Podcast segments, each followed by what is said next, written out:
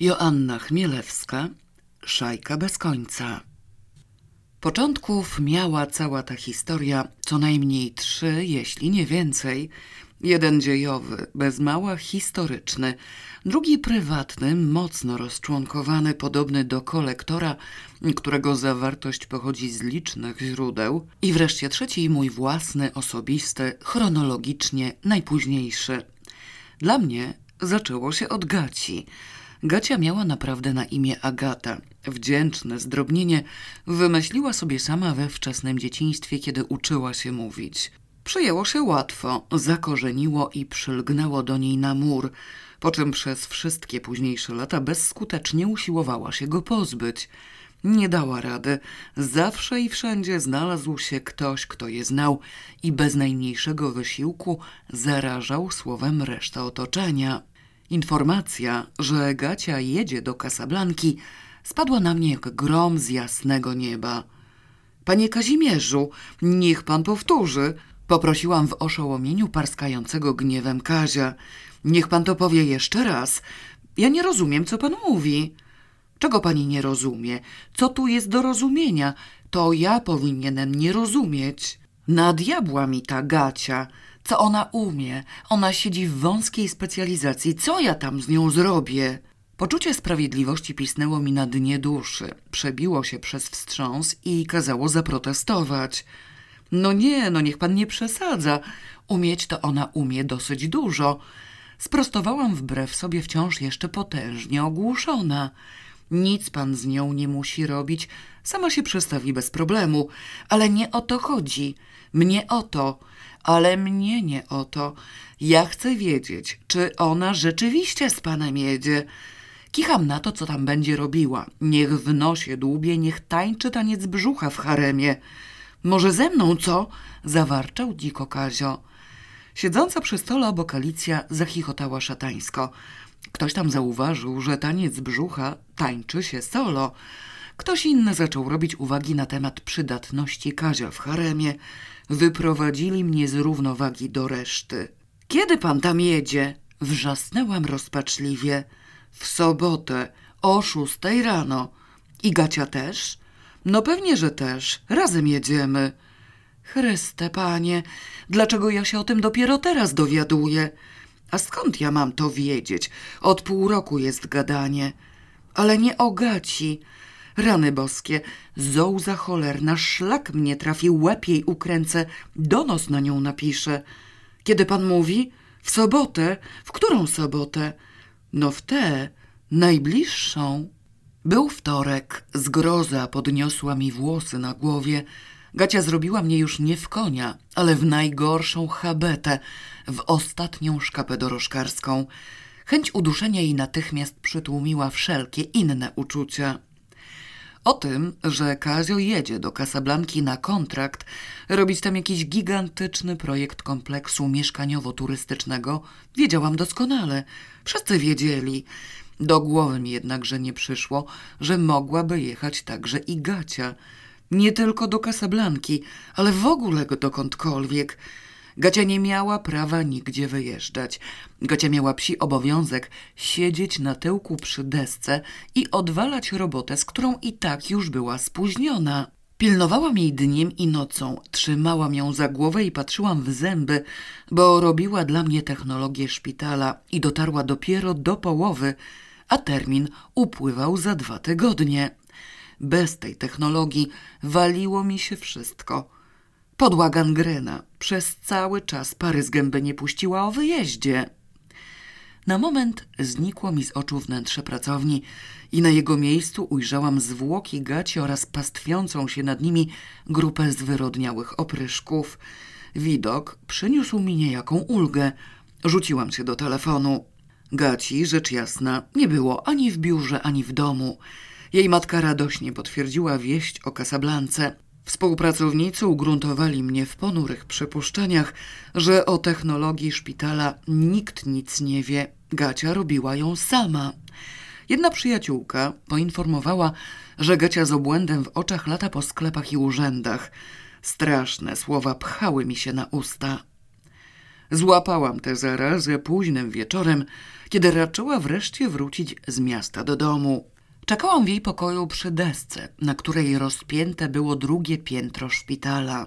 Czemuś do ciężkiej cholery nie powiedziała, że wyjeżdżasz. Wysyczałam na powitanie. Jeszcze czego? odparła Gacia wojowniczo. Żebyś mi już w ogóle nie dała odetchnąć? Życia przez ciebie nie mam, a poza tym bałam się zauroczyć. Jeżeli nie skończysz tej technologii do piątku, przysięgam Bogu, nie wyjedziesz. Z samolotu cię wywlokę za zadnie łapy. Zgłupiałaś czy co? Czy ty wiesz, co ja mam do załatwienia? Szpital masz do załatwienia, kretynko. Czyś ty rozum straciła? Co ja mam z tym chłamem zrobić? Termin za dwa tygodnie, cały zespół staje. Kto będzie płacił kary konwencyjne? Oj, tam zaraz tam kary. Pociemniało mi w oczach.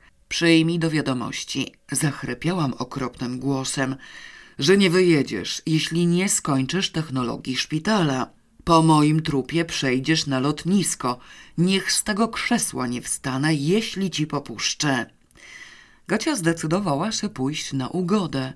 Dobrze już, dobrze. Adam skończy. Adam pojęcia o tym nie ma. Wciągnie się. Przestań się wygłupiać. Zrobię ile mogę. Co ci się wydaje, że mnie taka sablanka z nieba spadła? Od roku na głowie staję, żeby to załatwić. Trzeba było powiedzieć. Nie mogłam, bo bym zauroczyła. I tak ci to robię z gazem. Co, może powiesz, że nie? No nie, tego nie mogłam powiedzieć. Gacia pracowała znakomicie. Dlatego zresztą właśnie ją wybrałam na projektanta technologii szpitala. Dotrzymałaby terminu mimo chwilowego spóźnienia, gdyby nie ten cholerny wyjazd. Proponowany w zastępstwie Adam też był dobrym projektantem, ponadto osobnikiem sympatycznym i przytomnym, ale przejmowanie przez niego projektu musiałoby potrwać, a termin naglił. Rezultat był taki, że usiadłam do roboty razem z Gacią. Zaparłam się. Gacia usiłowała protestować. Wmawiała mi Adama. Twierdziła, że zna się na szpitalach lepiej od niej. Bez skutku. Zgodziłam się tylko, żeby załatwił sprawę opisu i wziął udział w kopii. Kopii wypadało za miesiąc. Siłą rzeczy Gacia nie mogła już w nim uczestniczyć. Pozostawał tylko Adam i na to nic nie mogłam poradzić. Teraz jednakże Gacia jeszcze była. Prawie zamieszkałam u niej przez te ostatnie trzy dni. Na oburzone protesty mamusi stałam się kompletnie głucha. Przepadł we mnie ostatni ślad dobrego wychowania, wszelkie miłosierdzie, współczucie, zrozumienie i inne ludzkie uczucia omijały mnie szerokim łukiem. Zrezygnowana, wściekła, bliska płaczu Gacia kreśliła przy swojej desce, udzielając mi wskazówek znękanym głosem. Kreśliłam obok niej na desce mniejszego formatu, bo drugiej dużej Gacie w domu nie miała. Rano robiłyśmy przerwę, żeby pokazać się w biurach, a po południu znów siadałyśmy do roboty. Gacia nie kryła swoich pragnień. Najgorętszym jej życzeniem było, żebym złamała nogę. Ja się jeszcze muszę spakować, mamrotała półprzytomnie. Co za cholera z ciebie nie daruje ci tego. Autoklawy masz tam, obok sali operacyjnej. Mały format deski przyczyniał mi kłopotów. Musiałam pociąć transparenty i robić kawałkami. Szkice gaci były nie do odszyfrowania. Pismo przypominało hieroglify. Czyś się już zaczęła uczyć po arabsku? Warczałam jadowicie nad swoją deską. Musiałaś akurat na moim projekcie. Co to jest ten gryzmoł? Który? A, ten, brudownik. Wszędzie tam muszą być brudowniki. Słuchaj, wziąć te buty? Boso jedź, tam ciepło. O Jezu, żebyś ty raz już pękła. W piątek wieczorem został jeszcze ostatni rzut. Gacia kategorycznie odmówiła współpracy. Jej mamusia stała nade mną z mieczem ognistym w dłoni. Moja zaciekłość zmalała. Ten ostatni rzut mogłam uzupełnić sama. Nauczyłam się już tej technologii na pamięć.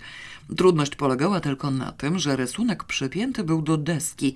Pod kalką znajdowały się szkice gaci, z wielkim wysiłkiem ułożone na właściwych miejscach i mowy nie było o odpięciu tego.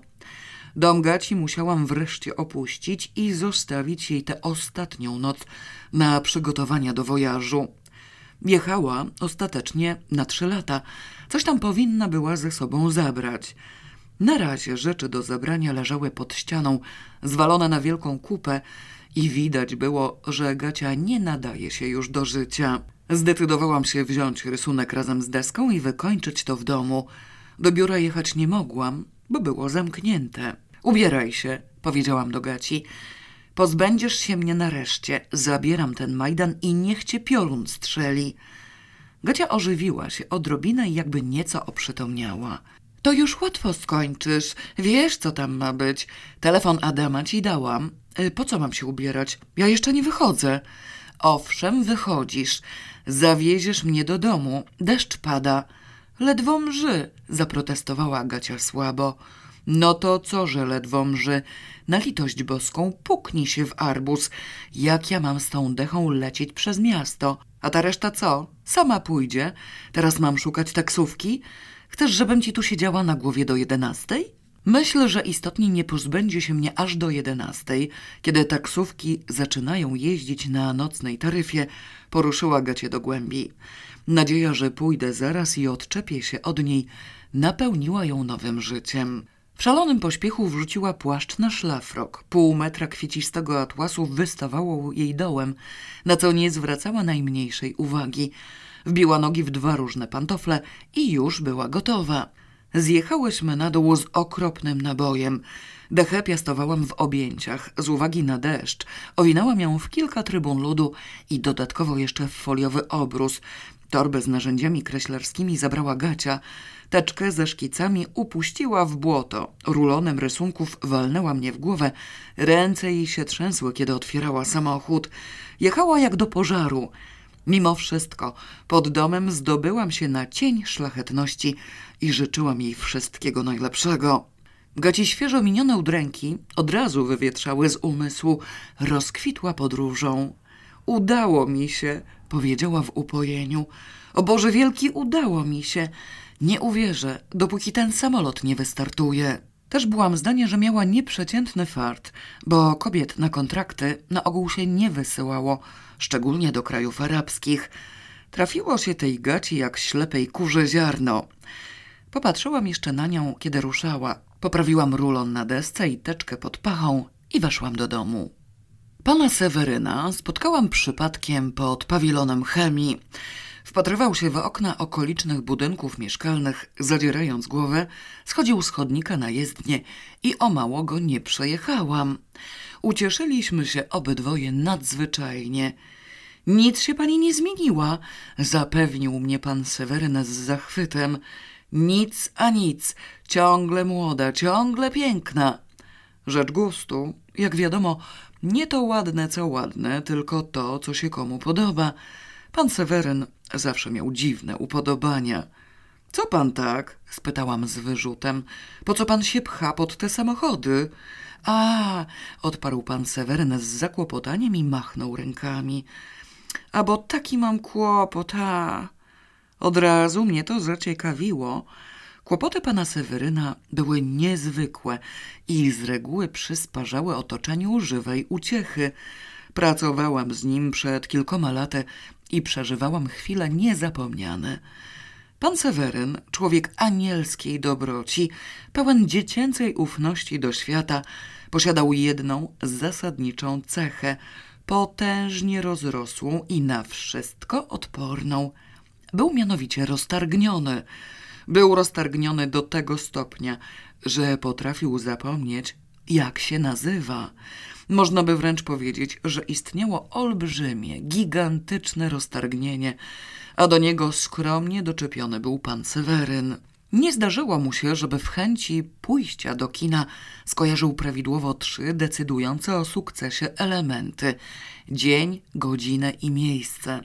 Jeśli nawet trafił do właściwego budynku i na właściwą godzinę, data okazywała się inna. Jeśli data i godzina były w porządku, inne okazywało się kino.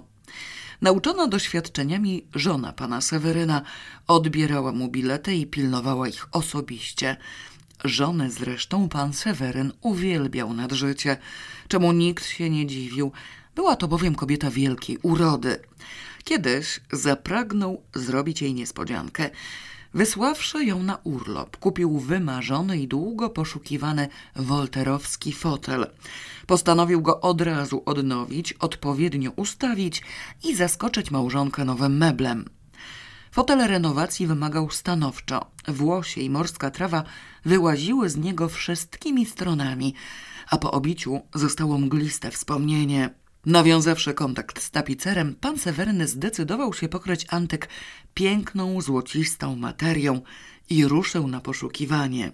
Z materiałami w owych czasach było raczej krucho. Długo zatem oblatywał sklepy, aż wreszcie znalazł. Akurat to, co trzeba, ale tylko dwa metry. Potrzebne zaś były cztery. Zmartwiony zrezygnował z dwumetrowego kawałka, ale zaraz nazajutrz znalazł identyczny i też dwa metry. Szybko pomyślał, że dwa i dwa to cztery. Kupił czym prędzej i rzucił się szukać wczorajszych dwóch metrów. Okazało się wówczas, że był to ten sam sklep, tylko pan Seweryn wszedł innym wejściem. Ustawiony w kącie i osłonięty dwoma metrami złocistej materii, fotel niewątpliwie sprawił żonie dużą siurpryzę. Wyglądał bowiem jak ozdobny katafalk. Pan Seweryn sprzedał mebel, tracąc na tej transakcji 2,5 tysiąca złotych. Z wycieczki do Związku Radzieckiego przewiózł motor i przejechał się nim na nafcie. Naftę sam wlał do baku przez roztargnienie. Rezultaty przeszły najśmielsze wyobrażenia. Nabywając kradziony węgiel, ufnie zapłacił zań z góry. Przy czym wiara w ludzką uczciwość była w tym wypadku o tyle nielogiczna, że opłaceni osobnicy mogli dotrzymać zobowiązań wyłącznie drogą kradzieży. Na rozkaz żony szukał ich potem po wszystkich knajpach Mokotowa, długo i bez żadnego skutku. Inne przypadłości pana Seweryna wypełniłyby powieść rzekę. Ponoszone przy tych okazjach finansowe straty nie spędzały mu snu z powiek. Znalazł sobie bowiem dodatkowe zajęcie, nader intratne. Malował mianowicie portrety. Nie z natury, broń Boże, z naturą się nie wygłupiał. Malował je z fotografii dla rodaków z zagranicy. Powiększał podobizny wysyłane głównie do Stanów Zjednoczonych i brał 200 dolarów od sztuki. Podobieństwo, trzeba przyznać, wychwytywał zadziwiająco. Natomiast poziom artystyczny tych malowideł mógł budzić poważne zastrzeżenia. Klienci jednakże byli zachwyceni i pan Seweryn nie miał przestojów, dzięki czemu mógł sobie pozwalać i na wolterowskie fotele, i na węglarzy, i na dowolną ilość roztargnienia. Jaki kłopot? Spytałam go teraz z wielkim zainteresowaniem. A, do licha. Malowałem dwa portrety, wie pani. No i głupia sprawa, chyba pomyliłem fotografię. I co? A, no nie wiem, szukam teraz tego drugiego modela. Tu pan szuka? Gdzieś tu chyba, albo może gdzie indziej. Niech pan opowie, jak to było. A, powiedział pan Seweryn, znów machając rękami. Miałem zamówienia, dwa na raz. Namalowałem oba portrety, ale jeden był do odebrania od razu, a drugi dopiero później. Przyszedł klient, odebrał jeden, nic nie powiedział, a teraz przyszedł drugi klient i mówi, że to nie jego. Jak to? A ten pierwszy co? Nie mówił, że to nie jego? Nie mówił, nic nie mówił. A co ja mam z tymi ludźmi? A co gorsza, to ja tego pierwszego namalowałem na podkładzie tego drugiego. Zaczęło mi się wydawać, że nic nie rozumiem. Pan Seweryn wyjaśnił dokładniej. Przyszedł do niego klient z Ameryki. Zamówił portret, zostawił fotografię, powiedział, że zgłosi się za trzy lata i poszedł. Następnie przyszedł drugi klient i przyniósł nie tylko fotografię, ale także płótno. Ściśle biorąc, nie było to płótno, tylko kawał dechy, elegancko zagruntowanej. Domagał się portretu na tym drewnie, twierdząc, że to będzie trwalsze. Pan Seweryn nie miał żadnych oporów, przystąpił do pracy i po nie w czasie odkrył, iż klienta z Ameryki namalował na drewnie klienta miejscowego. Klienta miejscowego zaś, który chciał być na drewnie, namalował na zwykłym kartonie. Klient od drewna przyszedł, zabrał drewno z podobizną klienta z Ameryki, Słowa nie powiedział i poszedł. Teraz przyjechał klient z Ameryki i zgłosił pretensje, twierdząc, iż na obrazie widnieje obca osoba. Pan Seweryn szuka zatem klienta od drewna, żeby go namówić na zamianę. Nie wie, gdzie klient mieszka, bo zapomniał adresu. Na końcu wyjaśnień dodał jeszcze, że w ogóle klienci przyszli w odwrotnej kolejności. Najpierw był ten z Dechą, a potem ten z Ameryki. On się chyba nie zgodzi zamienić, skoro chciał mieć portret na desce, zauważyłam. Ale to przecież nie jego portret, to tamtego. Ciekawa, że nie zwrócił uwagi. A, może nie spojrzał, tak bym chciał go znaleźć. A właściwie na jakiej podstawie pan go szuka? A tak oczami pamiętam. Wymienił adres i tak mi jakoś w oczach stanęło, że to w jakimś miejscu w Alejach Jerozolimskich. Tylko nie wiem, czy przy dworcu głównym, czy przy Marszałkowskiej, czy przy Nowym Świecie, czy może tu. Jeszcze może być naprzeciwko Pałacu Kultury, podsunęłam. A może być. Telefonu też nie pamiętam. Wiem tylko, że na końcu było 77. I tak chodzę. Dusza mi jęknęła. Panie Sewerynie, i co pan chce znaleźć? Sama widziałam, że pan się gapi w okna. Myśli pan, że on ten portret wystawił w oknie, jak obraz na Boże Ciało? Albo sam będzie wyglądał i pan go pozna? Ano nie wiem. A może akurat wygląda? I pozna go pan z twarzy? Z twarzy nie, ale z włosów. Piękne blond włosy, takie loki aż do ramiona, przedziałek po środku, istna Madonna. Zachwyt w głosie pana Seweryna zadźwięczał niekłamany. Osłupiałam. Kiedyś pan był normalny, przypomniałam podejrzliwie.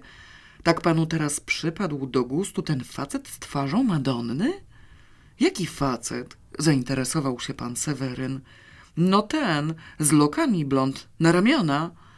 Pan Seweryn wyraźnie się zakłopotał. A nie, skąd facet? Kobieta, przepiękna kobieta. Boże, ratuj. Kobieta przyleciała do pana z tą dechą? A nie, chociaż nie wiem. No była u mnie także i kobieta. Jakoś tak razem.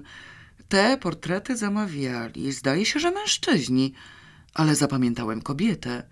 A ona miała z nimi w ogóle coś wspólnego? Tego nie wiem, ale była. To co ta jej piękność ma tu do rzeczy? Szuka pan faceta, którego pan nie pamięta i spodziewa się pan znaleźć kobietę, która nie ma z nim związku? A może? wykrzyknął pan Seweryn z tak zuchwałą nadzieją, że skołował mnie do reszty. Nie wiedziałam już zupełnie, kogo szuka faceta czy Madonny, nie mówiąc już o tym, że na żadne znaleziska nie miał najmniejszych szans. Zamiast tracić czas bezproduktywnie, niech pan lepiej namaluje go po prostu jeszcze raz, poradziłam stanowczo. O ile wiem, idzie to panu piorunem. Fotografię pan przecież ma. Coś takiego, ucieszył się pan Seweryn. A wie pani, że to doskonały pomysł. Namaluję go jeszcze raz i powiem, że się znalazł świetny pomysł. Odjechałam z nadzieją, że udało mi się uratować mu życie. Przestanie łazić na jezdnie i nic go nie przejedzie. Matka, powiedział ostrzegawczo mój starszy syn, kiedy któregoś wieczoru wróciłam do domu. Ja nic nie chcę mówić, ale ten półgłówek zgubił klucze. Nie miałam żadnych wątpliwości, że szkaluje swego brata. Zaniepokojona zajrzałam do ich pokoju. Mój młodszy syn z rzadką pilnością uczył się matematyki. Już sam ten fakt świadczył, że jest coś nie w porządku. Co to ma znaczyć? spytałam podejrzliwie. Co z tymi kluczami? Nic, odparł stanowczo mój młodszy syn. Jak to nic? Masz je? Co czy mam? Klucze. Jakie klucze? Na litość boską nie róbże z siebie idioty. Zgubiłeś, to zgubiłeś. Ludzka rzecz. Ale muszę wiedzieć jak i gdzie. Może trzeba zmienić zamki. Jemu ktoś rąbnął, powiedział zza mojego ramienia mój starszy syn. Głupi jesteś, obraził się młodszy. Nikt mi nic nie rąbnął. To gdzie je zgubiłeś? Mój młodszy syn przez chwilę przełamywał wewnętrzne opory. w dyskotece, mruknął wreszcie. Albo powiesz porządnie, jak to było, albo pójdziesz jutro rano kupować nowe zamki za własne pieniądze. Oznajmiłam stanowczo. Zdecyduj się. Mój młodszy syn zdecydował się od razu. Miałem je w kieszeni, kurtkę oddałem do szatni, a jak wróciłem do domu, to ich nie było. Znaczy, zgubiłem w dyskotece albo po drodze, albo mu ktoś wyciągnął, podsunął starszy. Po diabła miałby mu ktoś wyciągać, żeby nas okraść. Oszalałeś? Teraz w zimie? Najcenniejszymi przedmiotami, jakie posiadaliśmy w domu, był kożuch mojego starszego syna i moje futro. W zimie, opuszczając mieszkanie, z reguły drogocenności owe mieliśmy na sobie. Okradzenie nas w lecie miałoby jeszcze jakiś sens, w zimie żadnego. Mój starszy syn pomyślał i przyznał mi rację. Młodszy uporczywie udawał, że uczy się matematyki. Zastanowiłam się, jakie to były klucze. Mam na myśli, co tam było w tym pęku żelastwa. Klucze od czego? Od zasuwy, od piwnicy, od furtki na działkę, od windy i kluczyk od skrzynki listowej, ale nie naszej, tylko mojego kumpla. Z kumplem załatwisz sobie sam, a reszta Zawahałam się niepewna, czy w ogóle warto na to zwracać uwagę. Mój starszy syn był rozsądniejszy. Matka, nie żartuj, jemu naprawdę mógł ktoś wyciągnąć. Ktoś, kto go zna. Przyjdzie nas okraść, zdenerwuje się, że nic nie ma i zdemoluje mieszkanie. Coś trzeba zrobić. Z niechęcią zgodziłam się, że trzeba. Pomysł wymiany wszystkich zamków nie podobał mi się w najmniejszym stopniu. Po chwili uprzytomniłam sobie, że właściwie w grę wchodzi tylko jeden i nieco mi ulżyło. Zastosowaliśmy w końcu wyjście najprostsze i najłatwiejsze. Górna zasuwa została wmontowana na miejsce dolnej, a dolna na miejsce górnej i teraz mieliśmy zamykać mieszkanie na tę górną, która przedtem była dolną. Problem pojawił się tylko w związku z liczbą kluczy, których było dwa i nikt nie pamiętał, czy kiedykolwiek istniał trzeci. Poza tym teraz potrzebowaliśmy czterech, więc i tak należało dorobić. Przez dwa dni uzgadnialiśmy ze sobą godzinę nieobecności w domu, żeby nikt nie musiał siedzieć na schodach. Trzeciego dnia klucze zostały dorobione i całe wydarzenie poszło w niepamięć. Wkrótce potem w moim domu zaczęła działać tajemnicza ręka. Wróciłam z miasta, weszłam do pokoju i o mało mnie szlak nie trafił – na podłodze pod kanapą rozsypane były znaczki. Leżało ich tam niewiele, nie stanowiły olśniewających walorów filatelistycznych, niemniej jednak ich poniewieranie się po podłodze było zbrodnią niedopuszczalną, a ponadto zjawiskiem niepojętym. Suszyłam je na stołku i same z tego stołka zejść nie mogły. Przygniecione były bowiem licznymi ciężarami. Ściśle biorąc, kolejne warstwy od dołu wyglądały następująco. Stołek, deska kreślarska, książka telefoniczna instytucji, znaczki w złożonej na ośmioro trybunie ludu, atlas powszechny świata, książka telefoniczna mieszkaniowa i stary katalog Gibbonsa. Żadnej warstwy nie brakowało, wszystkie leżały jak powinny – i jakim cudem znaczki mogły wydostać się spod tej prasy, było nie do pojęcia. Zajrzawszy do trybuny ludu, stwierdziłam, iż reszta znajduje się tam nadal, w niejakim chaosie, ale nieuszkodzona. Z pazurami rzuciłam się na moje wracające kolejno do domu dzieci. Matka, co ty? rzekł z niesmakiem starszy. O siódmej rano pojechałem do Łodzi i dopiero teraz wracam. Zdalczynnie ci to rozwaliłem? W ogóle nie mogłem się dostać do domu, bo zapomniałem kluczy, powiedział z urazą młodszy. Specjalnie czekałem, żeby wrócić, jak już będziecie. Zostawiłem na kredensie. O! Obejrzałam się. Na kredensie w kuchni jak byk leżało jego klucze. Mojej sprzątaczki tego dnia nie było. Poza tym w żadnym wypadku nie zostawiłaby niczego na podłodze. Zjawisko nie zostało wyjaśnione. W kilka tygodni później tajemnicze siły uczepiły się mojej kolejnej namiętności. Od długiego już czasu całe mieszkanie miałam zastawione i obwieszone suchem zielskiem. Upodobanie do roślinności wyzwoliły we mnie przepisy budowlane, nakazujące prowadzić rury centralnego ogrzewania po wierzchu. Jedną z takich rur, razem z wichajstrem do zakręcania, miałam akurat przed samym nosem na ścianie za biurkiem. I był to widok, który mógł nosorożca wpędzić w depresję. W ramach protestu przeciwko nieludzkim zarządzeniom omotałem rurę bukietem kolorowego zielska i skutek objawił się z miejsca. Urządzenie ogrzewcze zmieniło oblicze i zaczęło budzić okrzyki zachwytu. Zachęciło mnie to do dalszych wysiłków. Bardzo szybko zabrakło mi rur. Przerzuciłam się na inne formy, niezależne od elementów budowlanych i w rezultacie dekoracjami z mojego mieszkania można było śmiało przeżywić w zimie co najmniej dwie krowy. Znów wróciłam do pustego domu i pod największym ściennym bukietem ujrzałam szczątki trawy, kawałki zielska i pokruszone kwiatki. Zanim zdążyłam oburzyć się na szarpanie ozdoby, wpadł mi w oko mój własny tapczan, na którym widniało istne pobojowisko. Śmietnik z pokruszonej roślinności, a co gorsza, także duży kłąb tego czegoś, co wydobywa się z pękniętej trzciny pałki. W głowach tapczanu stał na komodzie kolejny potężny bukiet. Ułożony był w małym, szklanym wazoniku i w ogóle nie utrzymałby się w pozycji pionowej, gdyby nie to, że przylepiłam wazonik do szklanej płytki gwarantowanym klejem. Zespolił się z nią na mur i środek ciężkości tej całej wiąchy stracił jakiekolwiek znaczenie. W żaden sposób nie mogło się to samo przewrócić, a gdyby nawet z całą pewnością nie wróciłoby na poprzednie miejsce. Zbierając puch z pałki do słoika z zapartym tchem, żeby przypadkiem nie dmuchnąć, zastanowiłam się nad sytuacją. Jeden z moich synów spędził dzień w Milanówku w warsztacie samochodowym. Drugi robił wózek transportowy na działce mojej ciotki i nie miał żadnych szans oddalić się stamtąd. Sprzątaczka, zawsze to samo, przenigdy nie zostawiłaby po sobie bałaganu. A zatem co to u diabła mogło być? Zaraz potem mojemu młodszemu synowi nadprzyrodzona moc zepchnęła nogę – Noga należała do stolika, który został przeistoczony w prasę. Coś dociskał i to coś się wypsnęło. Dociskał zapewne nieźle, bo półeczka pod nim zawalona była książkami, a na blacie stał asparagus w wielkiej donicy.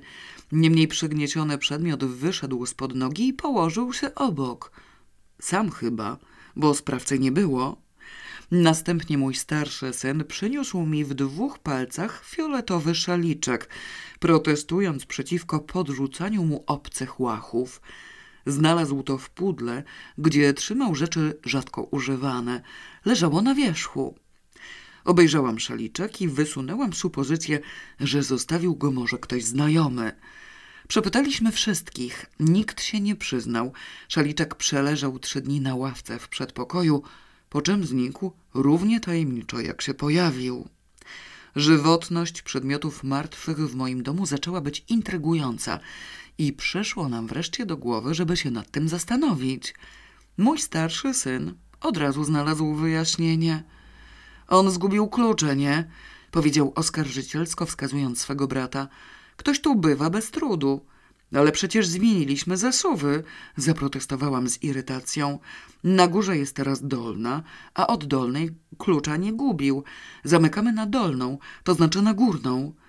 Od górnej, znaczy byłej dolnej, też zginął klucz. Skąd wiesz, że zginął? Może od początku były dwa. Takie zamki sprzedają z trzema kluczami. No dobrze, ale klucze od dolnej w ogóle nie były używane. Leżały w pudełku związane sznurkiem. Gdyby ktoś chciał zgubić jeden, musiałby to uczynić dawno temu. A w ogóle, kto tu ma bywać bez trudu? Wtrącił z ciężką urazą mój młodszy syn. Jakie tam bez trudu, skoro ty wychodzisz z domu i wracasz nie wiadomo kiedy? Bez trudu to tam, gdzie ludzie normalnie chodzą do pracy, a nie u nas.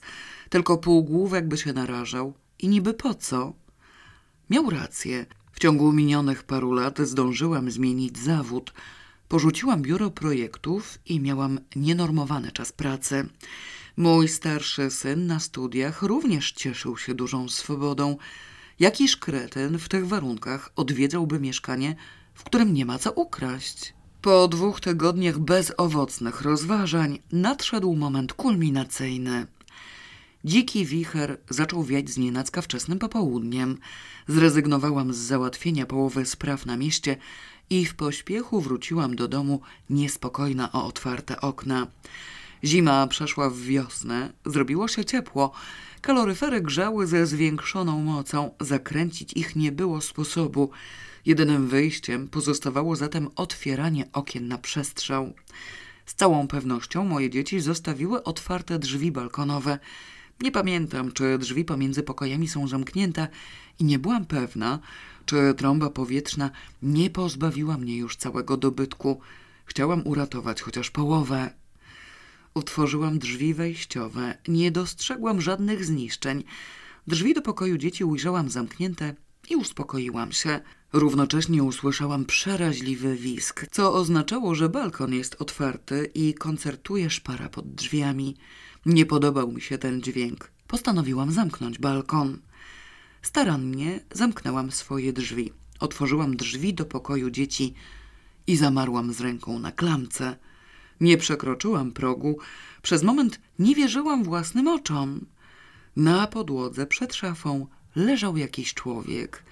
Unieruchomiło mnie na dostatecznie długą chwilę, żebym zdążyła go dokładnie obejrzeć. Twarzą zwrócony był do mnie. Oczy miał postawione w słup i rozbity łeb. Nikt znajomy, zupełnie obcy facet. Drzwi balkonowe były otwarte, a na podłodze porozrzucane jakieś przedmioty. Nie zamykałam balkonu i nie robiłam porządków. Hamulce w szarych komórkach puściły i myśl ruszyła do sprintu. Trup chyba, zwłoki, obcy denat w pokoju moich dzieci. Skąd na litość boską i kto to jest? Może jeszcze żyje, powinnam sprawdzić. Nie sprawdzę, kogo wzywać pogotowie czy milicję. Nie wchodzić. Telefon stoi u mnie. Całe szczęście. No, to już więcej niż kolorowy szaliczek. Cofnęłam się na miękkich nogach. Zamknęłam drzwi, weszłam do siebie i zamknęłam drugie drzwi. Natychmiast zaczęło gwizdać szparą. Usiadłam na fotelu i podniosłam słuchawkę. Telefon wył, a ja zastanawiałam się, gdzie dzwonić.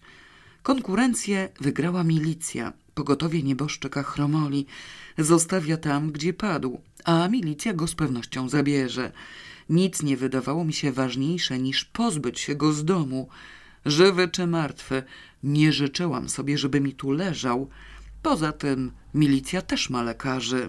Na pani w pogotowiu MO mój komunikat nie uczynił żadnego wrażenia. Kazała mi podać personalia i adres, omijać pomieszczenie z ofiarą, niczego nie ruszać i spokojnie czekać. Niekoniecznie może spokojnie, jednak czekałam. Szpara pod drzwiami gwizdała ze zmiennym natężeniem. Na podwórzu za oknem, w które wpatrywałam się dość rozpaczliwie, zrzucali z ciężarówki jakieś rury, co brzmiało tak, jakby walił się cały budynek konstrukcji stalowej. Ktoś próbował uruchomić samochód. Silnik gasł mu na wolnych obrotach, zapalał go i przegazowywał. Włączone wczesnym rankiem radio nadawało góralską muzykę. Za moimi plecami w przedpokoju coś nagle łomotnęło potężnie, z jakimś okropnym, brzękliwym gruchotem. Nie padłam trupem na miejscu. Przeciwnie, poderwałam się i szarpnęłam drzwi, możliwe, że ze zdławionym okrzykiem. Przepraszam, mamunia, powiedział mój starszy syn. Nie miałem ręki i wiedziałem, że ta torba nie wytrzyma. W milczeniu popatrzyłam na szczątki foliowej torby. Na podłodze stała druga. Po całym przedpokoju rozturlały się puszki z mlekiem skondensowanym. Wśród nich leżała jakaś duża paczka. Spod podartego papieru przezierał kawałek drewnianego pudła. Mój syn troskliwie podniósł pudło i zaczął zdzierać z niego papier. Kazałaś mi kupić mleko na zapas jak trafię, no więc właśnie trafiłem. Przy okazji kupiłem sobie komplet narzędzi. Chyba się to nie zleciało. Wypadło mi spod pachy. Nie, w porządku. Przemogłam się, zmobilizowałam i schyliłam popuszki. Zbieraj to. Nie potrzeba mi tu fałszywych śladów. Zaraz przyjedzie milicja. Co? Zdziwił się mój syn. Jaka milicja? Nie wiem jaka, zwyczajna. Powinni być za chwilę. Po co? Wezwałam ich. Zbieraj, mówię, do kuchni. Zaraz, powiedział mój syn i przytulił pudło do piersi. Przed milicją to ja bym wolał schować to, a nie mleko. Kupiłem spod lady. Nie wchodź tam! Wrzasnęłam okropnie, bo już wyciągał rękę do klamki. Mój syn wzdrygnął się gwałtownie i cofnął od drzwi. Dlaczego? Co się stało? Spróbowałam zachować kamienny spokój. Siódma puszka wymknęła mi się z rąk. Tam leży jakiś facet. Jak to leży? Pijany? No nie, chyba nie, raczej nieżywy. Właśnie dlatego wezwałam milicję. Kazali nie wchodzić. Mój syn rozejrzał się, wszedł do łazienki, wepchnął swoje pudło do kosza z brudami i wrócił do przedpokoju. Matka, nie rozumiem, co mówisz. Co za facet? Ktoś znajomy?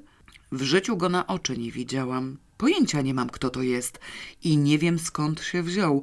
Jak wróciłam, to już leżał. Może kumpel Roberta? Wykluczone, nie ten wiek. To ja go też chcę zobaczyć, powiedział stanowczo mój syn i zanim zdążyłam go powstrzymać, otworzył drzwi ich pokoju. Rzuciłam się zamykać moje i złapałam je w ostatniej chwili. Mój syn stał w progu i patrzył w milczeniu. Zajrzałam również. Najpierw nie pomyślałam nic, a potem zrobiło mi się niedobrze. Pokój był pusty. Nieboszczek znikł.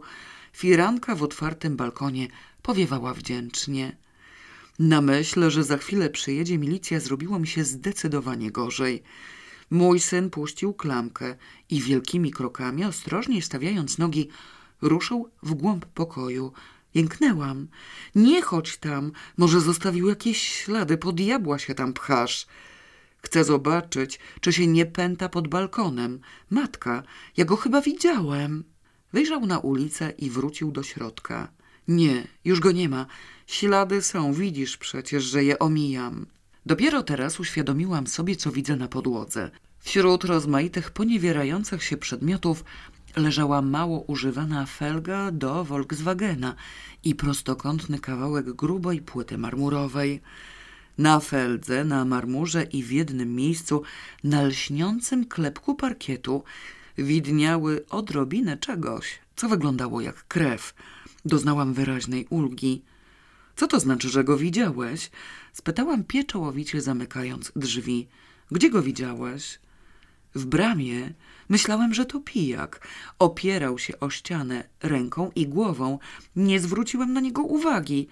Już wiem, co było. On tu rzeczywiście leżał, zamroczony. Potem oprzytomniał i uciekł. Jakim cudem mogłaś tego nie zauważyć? Oprzytomniałam również całkowicie, ale uciekać nie miałam zamiaru. Wzruszyłam ramionami i uczyniłam gest w kierunku okna, za którym facet ciągle przegazowywał silnik. Szpara gwizdała, a jeszcze rzucali żelazne rury, dodałam. A fotel stoi tyłem do przedpokoju i radio grało. Mógł wyjść marszowym krokiem i ze śpiewem na ustach. A mnie usłyszałaś? Wstrząsnęło budynkiem. Co to było? Bo puszki gruchotały oddzielnie. Drzwi wyleciały mi z ręki i trzasnęły. Przyjechała milicja. Opowiedziałam im wszystko i zaczęłam przepraszać. Zapewnili mnie, że nie ma za co. Musiało być tak, jak pani mówi, rzekł porucznik. Zakradł się, szukał, co by tu ukraść i te rzeczy zleciały mu na głowę. Urwał, obejrzał szafę, popatrzył na jego wierzch i podniósł felgę. Tym dostał. Jak to mogło zlecieć? Tym też dostał, powiedział sierżant, podnosząc kawałek marmuru. To nieźle dostał. Szukał chyba czegoś na szafie i pociągnął. To tak luzem leżało? Poczułam się zmuszona wyjaśnić, że nie tylko luzem, ale w ogóle w sposób urągający prawom fizyki. Pchaliśmy na tę szafę wszystko, co tam było akurat niepotrzebne i fragmenty magazynu spadły wielokrotnie. Sierżanta zjawisko zainteresowało. Wlazł na krzesło i obejrzał z bliska wierzch szafy. Tu jest pochyło, oznajmił. Pewnie, że było pochyło, bo w charakterze dolnej warstwy leżała na szafie deska kreślarska nachylona z natury. Tysiąc razy proponowałam mojemu starszemu synowi, który był najwyższy, żeby ją przekręcił tyłem do przodu. Przedmioty wówczas spadałyby za szafę, nie czyniąc nikomu krzywdy. Ciągle obiecywał, że to zrobi i ciągle zapominał. Sposób uszkodzenia ofiary został wyjaśniony. Pozostawała druga kwestia. Ciekawe jak on wszedł, rzekła władza oglądając drzwi. Wytrychami tę zasuwę trudno otworzyć. Klucze podrobił czy co? Nikt pani nie ukradł kluczy? Popatrzyliśmy z moim synem na siebie. Nie było siły. Należało uzupełnić zeznania. Tłumaczeniem, że owszem, zostały zgubione klucze, ale od dolnej zasuwy, która przedtem była górna, a zamykamy na górną, która przedtem była dolna i nikt jej nie używał, a teraz nie używamy dolnej, byłej górnej, zagmatwałam wszystko doszczętnie. Nikt już nie wiedział, które klucze i które zasuwy mam na myśli. Milicja patrzyła na mnie z niesmakiem. Kazała mi sprawdzić, czy nic nie zginęło i podejrzliwie potraktowała informację, że nie mam co sprawdzać. Wreszcie poradzono z naciskiem, żebym na wszelki wypadek zmieniła wszystkie zamki. Fajnie, powiedziałam po wyjściu władzy. Jutro kupię nową zasuwę i od początku zaczyna się kołomeja z kluczami. Będziemy ich pilnować jak oka w głowie i zobaczymy, co z tego wyniknie. W ogóle musimy sami dorobić, orzekł mój młodszy syn, który ostatnie chwile pobytu milicji w domu przesiedział na schodach na strych. Przy tym dorabianiu każdy może podwędzić jeden zapasowy. Kto ma dorobić? spytałam cierpko. Ja? Nie, ja mogę. Mam kumpla z warsztatem. O co tu w ogóle może chodzić? Zastanowił się mój starszy syn. Podrzucanie nam śmieci i szaliczków to jeszcze małe piwo, ale jak zaczynasz znajdować w domu zwłoki, w dodatku takie ruchliwe, wtrącił młodszy, to już się robi grubsza sprawa. Matka, w coś ty się tym razem wplątała. Z czystym sumieniem mogłam przysiąc, że wyjątkowo w nic. Mężczyźni mojego życia, przez których wplątywałam się wielokrotnie w rozmaite rzeczy, akurat się jakoś odseparowali, a najnowszy rysujący się na horyzoncie nie wszedł jeszcze w fazę wplątywania. Sama z siebie ostatnio miałam mało czasu i żyłam dość normalnie. Rzecz była zatem całkowicie niezrozumiała. Z cichą nadzieją, że może jeszcze zdarzy się jakiś dziwoląg, kupiłam nową zasuwę i zaczęłam czekać na dalszy rozwój wydarzeń. Matka, pożycz mi deskę, poprosił mój młodszy syn. Zdziwiłam się. Przecież cały czas używasz deski. Ale nie te. Ja chcę średnią deskę z rolkami i przykładnicą. I jeszcze trzeba mnie z nią zawieźć do kumpla. Zastanawiałam się przez moment. Średnia deska kreślarska od wieków leżała na szafie i powodowała spadanie z niej różnych przedmiotów. Nie miała rolek. Rolki, również od wieków, były przykręcone do dużej. Jeszcze jedna miała rolki i przykładnicę, ale to była mała. Stała przy ścianie za fotelem. O co mu może chodzić? A, przypomniałam sobie nagle. Te, co stoi za biurkiem – to jest deska gaci. Jakich gaci? spytał mój syn nieufnie. Nie jakich, tylko jakiej. Jedna moja przyjaciółka nazywa się Gacia i to jest jej deska. Powinnam jej chyba oddać, kompletnie o tym zapomniałam. Ładnie się nazywa, pochwalił mój syn. Nie możesz jej jeszcze nie oddawać. Potrzebuję na parę tygodni. Znów się zastanowiłam. Gycia wciąż jeszcze znajdowała się w Afryce. Siedziała tam już szósty rok, przedłużyła sobie kontrakt. Z pewnością deska nie była jej potrzebna. Poza tym deska nawet z rolkami i przykładnicą nie jest skarbem szczególnym. W razie zniszczenia łatwo ją zastąpić drugą. Mogłam wyrazić zgodę na pożyczenie. Na wszelki wypadek jednak zanim zaczęłam szastać mieniem gaci, uznałam za słuszne zadzwonić do jej matki. W telefonie odezwał się Mateusz. Ucieszyłam się, bo go okropnie dawno nie widziałam. Pani mecenasowa jest? Spytałam po wymianie powitalnych okrzyków. Nie bardzo, odparł z lekkim zakłopotaniem. Z panią mecenasową jest w ogóle nie najlepiej i sam nie wiem, co robić. Dobrze, że dzwonisz. Może mi co poradzisz? A co się stało? Nic się nie stało. Pani mecenasowej zdrowie szwankuje. No wiesz, wiek.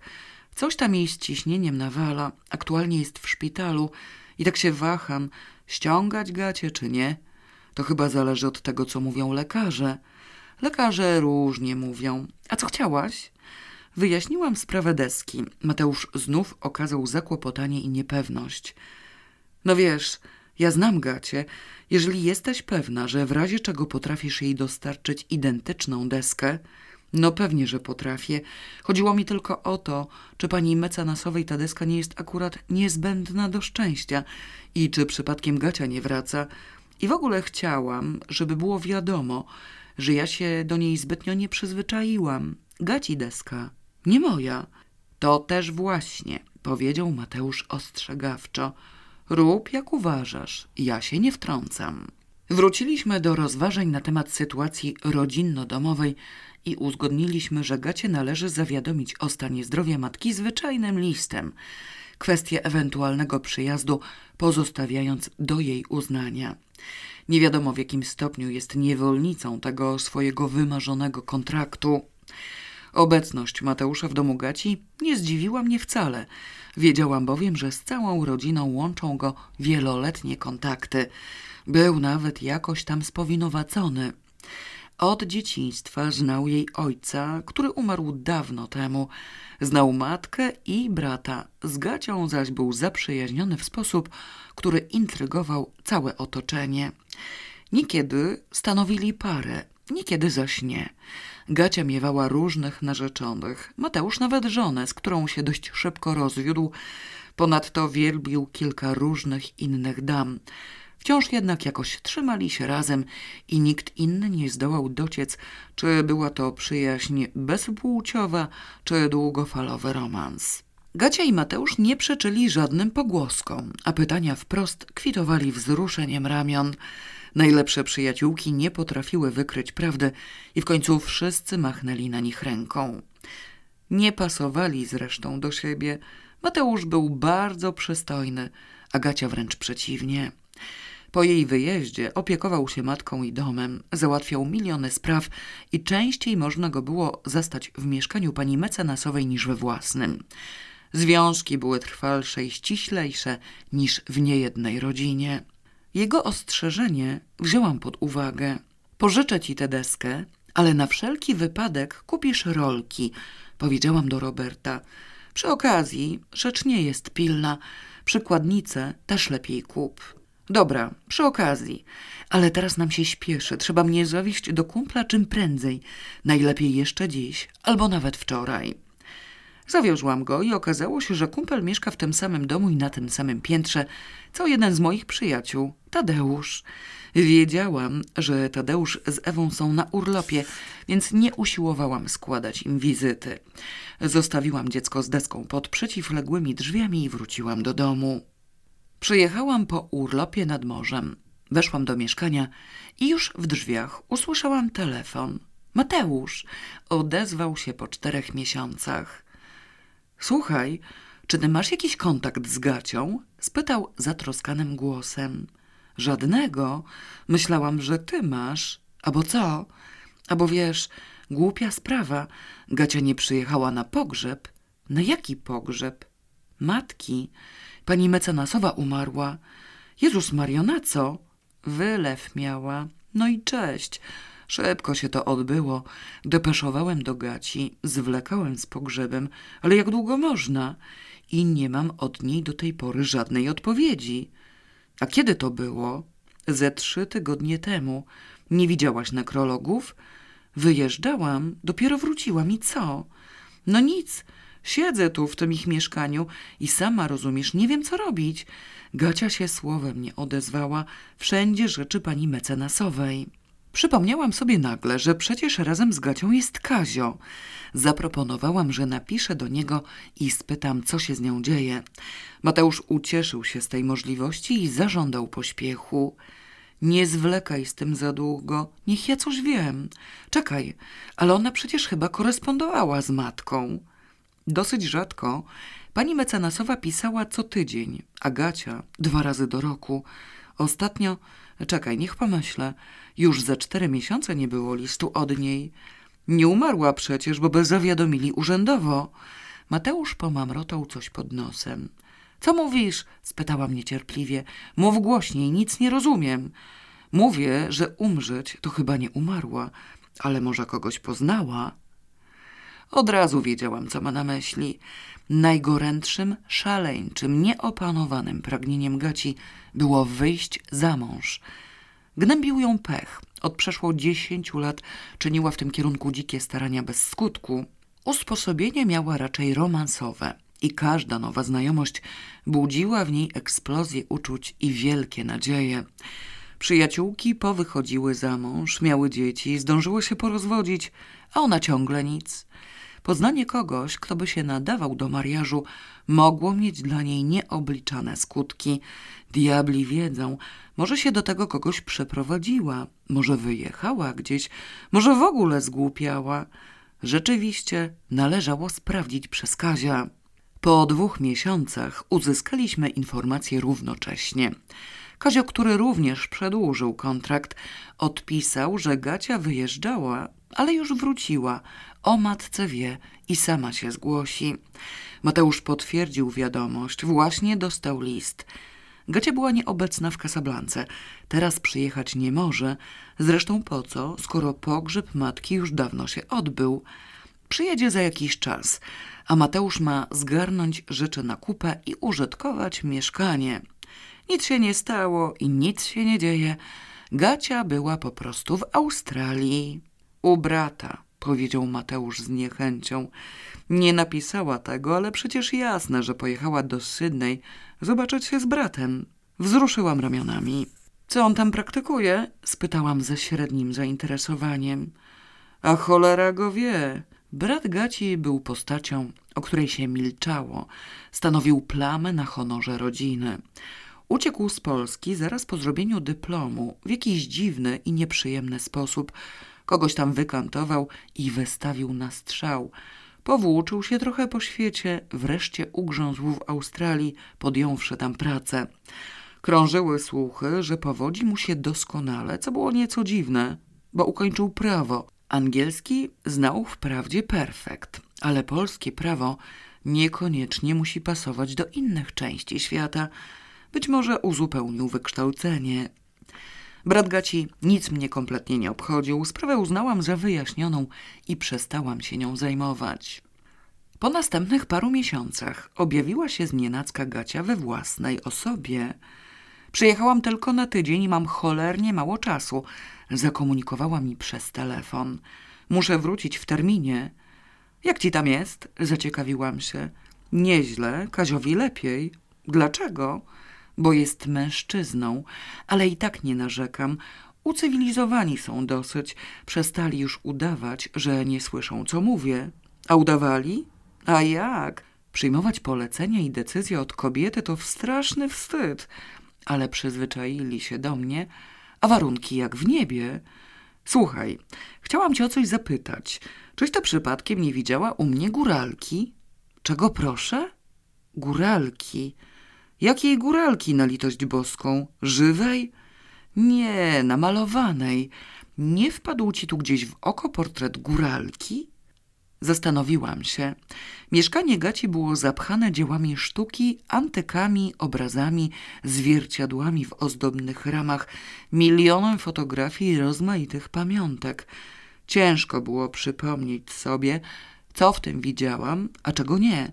Poza tym zaskoczyła mnie niebotycznie. Halo, jesteś tam? Mówże coś. Zaraz, usiłuję sobie przypomnieć. Przypomnij sobie, moja złota, cholernie mi zależy. Olejny portret góralki. Nieduży, trochę większy niż format A3. Nie, powiedziałam stanowczo, niczego takiego nie było. A jeśli nawet było, to ja tego nie zauważyłam. A nie słyszałaś czego? Wiesz, może moja matka... Twojej matki na oczy nie widziałam od twojego wyjazdu i nie rozmawiałam z nią. Mam wrażenie, że mnie nie bardzo lubiła. No chyba, że cię nie lubiła, przyświadczyła Gacia zgodną pochwałę szczerością. Ale góralkę mogłaś widzieć. Może i mogłam, ale nie widziałam. A co, zginęła ci? Zginęła i nie mogę znaleźć. No nic, cześć, czekaj. Wrzasnęłam, ale już było za późno. Gacia odłożyła słuchawkę. Nie zdążyłam jej powiedzieć o desce. Zadzwoniłam oczywiście od razu, ale było zajęte. Nazajutrz telefon nie odpowiadał. Gacie gdzieś diabli wynieśli. Trzeciego dnia rozzłościłam się i pomyślałam, że jak jej deska będzie potrzebna, sama sobie o niej przypomni. Nie zabierze jej przecież do Kasablanki. Po dwóch tygodniach zadzwonił Mateusz. Słuchaj, rzekł zamyślonym głosem, czyś ty przypadkiem nie słyszała czegoś o góralce? Czy to was jakaś mania opętała? spytałam z irytacją. Najpierw Gacia, teraz ty. Gdzie ona w ogóle jest? Kto? No nie góralka, przecież Gacia. Jak to gdzie? W Kasablance chyba.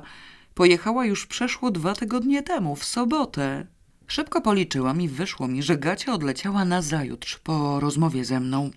Zadzwoniła w ostatniej chwili. Sama uniemożliwiła kontakt. Bardzo dobrze. Zdjęła mi z sumienia tę cholerną deskę. Mateusz uporczywie trzymał się swojego tematu. Pytam, czy słyszałeś o góralce, albo może widziałaś u Gaci portret góralki, olejny. Nie, Gacia też mnie o to pytała. Żadnej góralki nie widziałam i w ogóle o co tu chodzi? Mateusz pomilczał sobie przez chwilę. Wiesz, musimy się chyba zobaczyć, zdecydował nagle. Ja ci to muszę pokazać. Wpadnij do mnie, to znaczy do mieszkania Gaci. Ja tu jeszcze jestem na stałe. Proszę cię bardzo, kiedy? Jutro. Tak, koło szóstej po południu możesz? Mogę. Dlaczego nie? Gnana ciekawością przyleciałam punktualnie. Weszłam do mieszkania i prawie zamarłam w progu, śmiertelnie zaskoczona. Widziałam ten apartament przed kilkoma laty, tuż przed pierwszym odjazdem Gaci. Można sobie wyobrazić, jak wyglądał.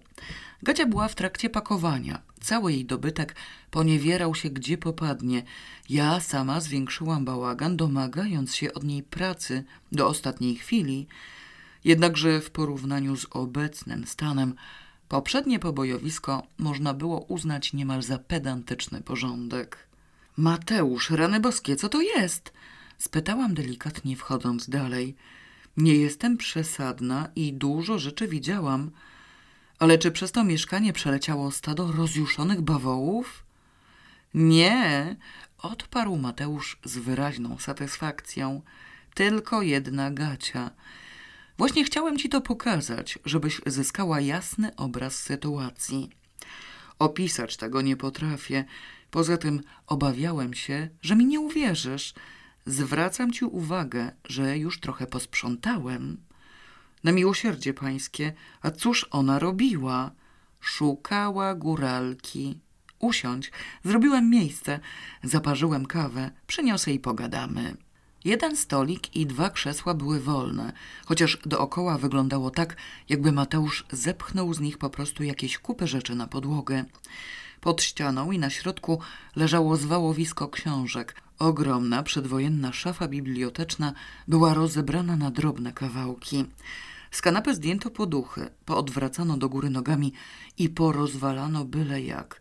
Wyjęte z wielkiego biurka szuflady zajmowały pół podłogi. Obrazy ze ścian poutykane były wszędzie. Mateusz wrócił z kawą i zażądałam wyjaśnień.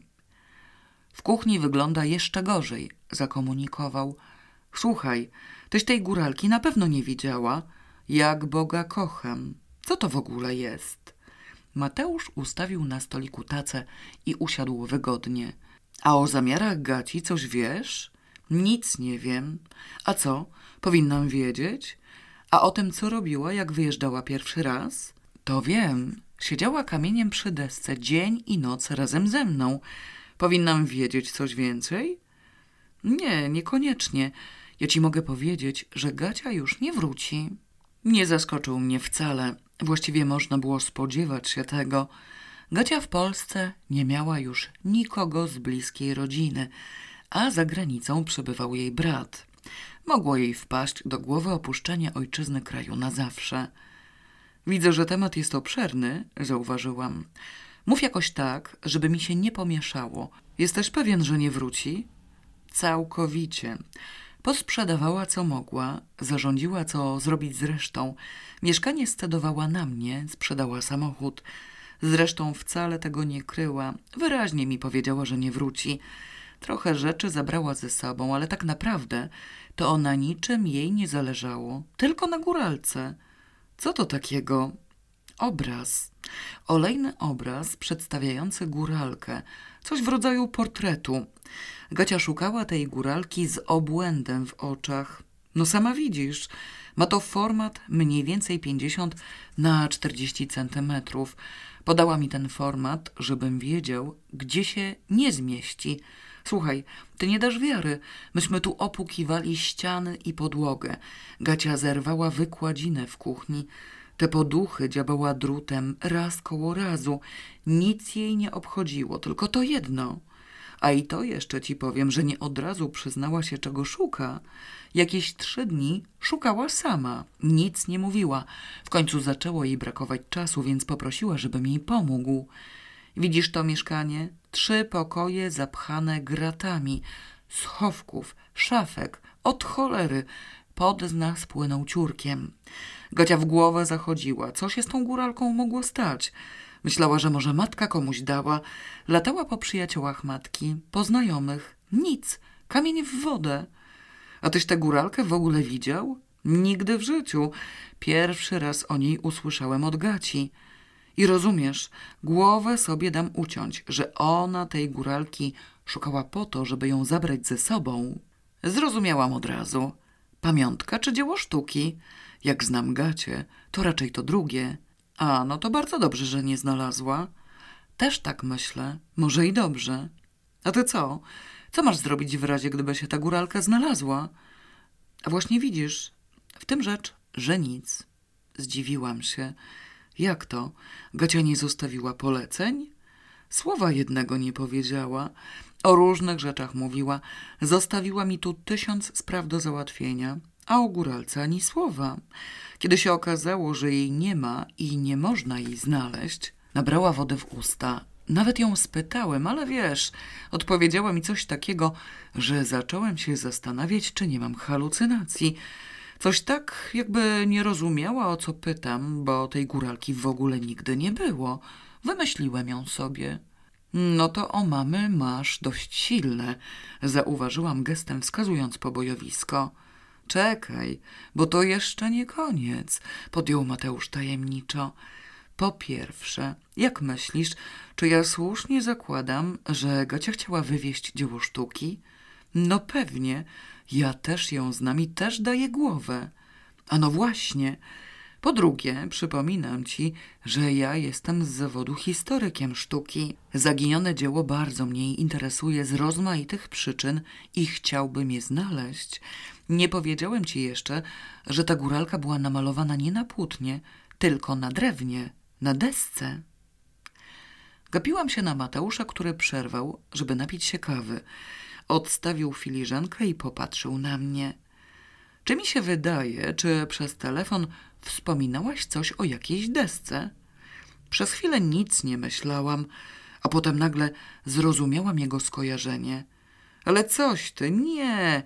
To znaczy tak, owszem, ale chodziło mi o deskę kreślarską. Mateusz nie okazał żadnego rozczarowania. Co to za deska? Gaci deska, średnia. Zabrałam ją od niej razem z rysunkiem. Wyjaśniłam okoliczności wyniesienia deski z domu Gaci. Mateusz słuchał w zamyśleniu. Nie chcę cię martwić, ale to by było jedyne wytłumaczenie, oznajmił spokojnie, jakiej ona była wielkości. A1, to znaczy jakieś nie żadne jakieś, tylko dokładnie 60 na 84 no ze dwa centymetry więcej z każdej strony. Deska jak deska. Oglądała się dokładnie? Już chciałam powiedzieć, że tak, kiedy uświadomiłam sobie nagle, że nic podobnego. Wcale jej nie oglądałam. Pracowałam na niej, to fakt, ale od początku do końca była wyłożona brystolem i tego, co pod brystolem, nigdy nie widziałam na oczy. Ale ostatecznie deska była gładka, równa i niemożliwe było, żeby Brystol przykrywał olejne malowidło. Mateusz nie rezygnował z pomysłu. Ty się lepiej zastanów. Oglądała się pod spodem? Oszalałeś. Po diabła mam oglądać deskę kreślarską pod spodem. No widzisz. No nic nie widzę. Pod spodem ona ma nogi. Jakie nogi? Rozejrzałam się, Gdzieś tu powinna się poniewierać duża deska gaci, dwa razy większa od tej, którą wyniosłam. Chyba, że ją sprzedała, zażądałam od Mateusza pomocy w odnalezieniu. Wynika z tego, że jestem skazany na szukanie desek coraz to większych formatów. W końcu od tego zwariuję. Ale czekaj, chyba tu było coś takiego, westchnął Mateusz. Znaleźliśmy deskę w sąsiednim pokoju, opartą o ścianę, pozbawioną przykładnicy i rolek. Pokazałam Mateuszowi nogi, to znaczy długie kawały drewna wpuszczone przy dwóch krawędziach, na jednym końcu wyższe, na drugim niższe, decydujące o pochyleniu deski. Mateusz zaczął mierzyć ich rozstaw. Coraz bardziej utwierdzam się w przekonaniu, że to było właśnie to, oświadczył. Popatrz, jeśli była o połowę mniejsza, te podpórki były tutaj, a pomiędzy nimi akurat miejsce na góralkę. Lepiej pomyśl porządnie. Ale przecież... Zaczęłam i urwałam. No, co? Powiedział zachęcająco Mateusz. Coś ci świta? Wróciłam do stolika z kawą. Przypomniałam sobie... Było tak... Gacia na tej średniej desce nie pracowała, miała do kreślenia wielkie kobyły. Wtedy, kiedy do niej przyszłam, wyciągnęła tę deskę z jakichś zakamarków, z za szafy chyba. Zakurzona była nieźle, ale nie miałam czasu zmieniać brystolu. Przykładnicę miałam przypiętą. Mateusz słuchał z wielkim zainteresowaniem. No, a wyobraź sobie, gdyby ją ktoś spreparował tak, żeby od spodu umieścić dodatkową deskę. Rozumiesz? Wpuścić w tę prawdziwą, plecami do wierzchu, a twarzą do środka. I gdyby to zasłonił, zauważyłabyś? Nie, przyznałam po namyśle. Nic bym nie zauważyła. To znaczy w zaistniałych okolicznościach, bo gdybym ją obejrzała dokładnie, ale nie oglądałaś jej dokładnie, a technicznie to było możliwe, nie? No owszem, ale cholerna robota. Komu by się chciało? Mateusz popatrzył na mnie z politowaniem. Widzisz, ja się opieram na tym, jak Gacia szukała. Jakby ci to określić, dzika zaciętość, rozpaczliwa. Zresztą widzisz skutek i dlatego wydaje mi się, że to było takie dzieło sztuki, nad którym opłaca się popracować. Czekaj, bo się gubię. Jeżeli Gacia odwalała tę robotę z deską... A kto powiedział, że Gacia? Przerwał Mateusz. Gacia przyjechała szukać góralki po spotkaniu z bratem. Popatrzyliśmy na siebie. Brat Gaci był niewątpliwie zdolny do wszystkiego. Myślmy logicznie, zażądałam. Brat powiedziałby jej, że wetknął góralkę w deskę i Gacia w pierwszej kolejności rzuciłaby się na mnie. Niekoniecznie. To nie musiał być brat. To mógł być jeszcze ktoś inny. Mogła to wykombinować pani mecenasowa. Krótko mówiąc, ja wierzę w to, że góralka istniała, znajdowała się tutaj i znikła. Ty wyniosłaś deskę. Pomysł może być głupi, ale nie zaszkodzi sprawdzić. Gdzie ją masz? Zrobiło mi się równocześnie zimno i gorąco. Nie wygłupiaj się i przestań mnie straszyć, powiedziałam niepewnie. Nigdzie jej nie mam. Mój syn wyniósł ją do kumpla. Sama go nawet zawiozłam. O rany boskie. Ale czekaj, nie rób tragedii. Naprawdę jest mało prawdopodobne, żeby ta góralka tam była. Mateusz odzyskał energię. Mało czy nie mało, na wszelki wypadek odbierz ją temu kumplowi.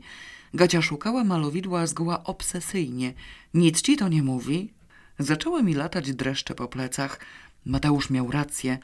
Gacia dla byle czego nie rujnowałaby mieszkania, nawet jeśli zamierzała je na zawsze opuścić.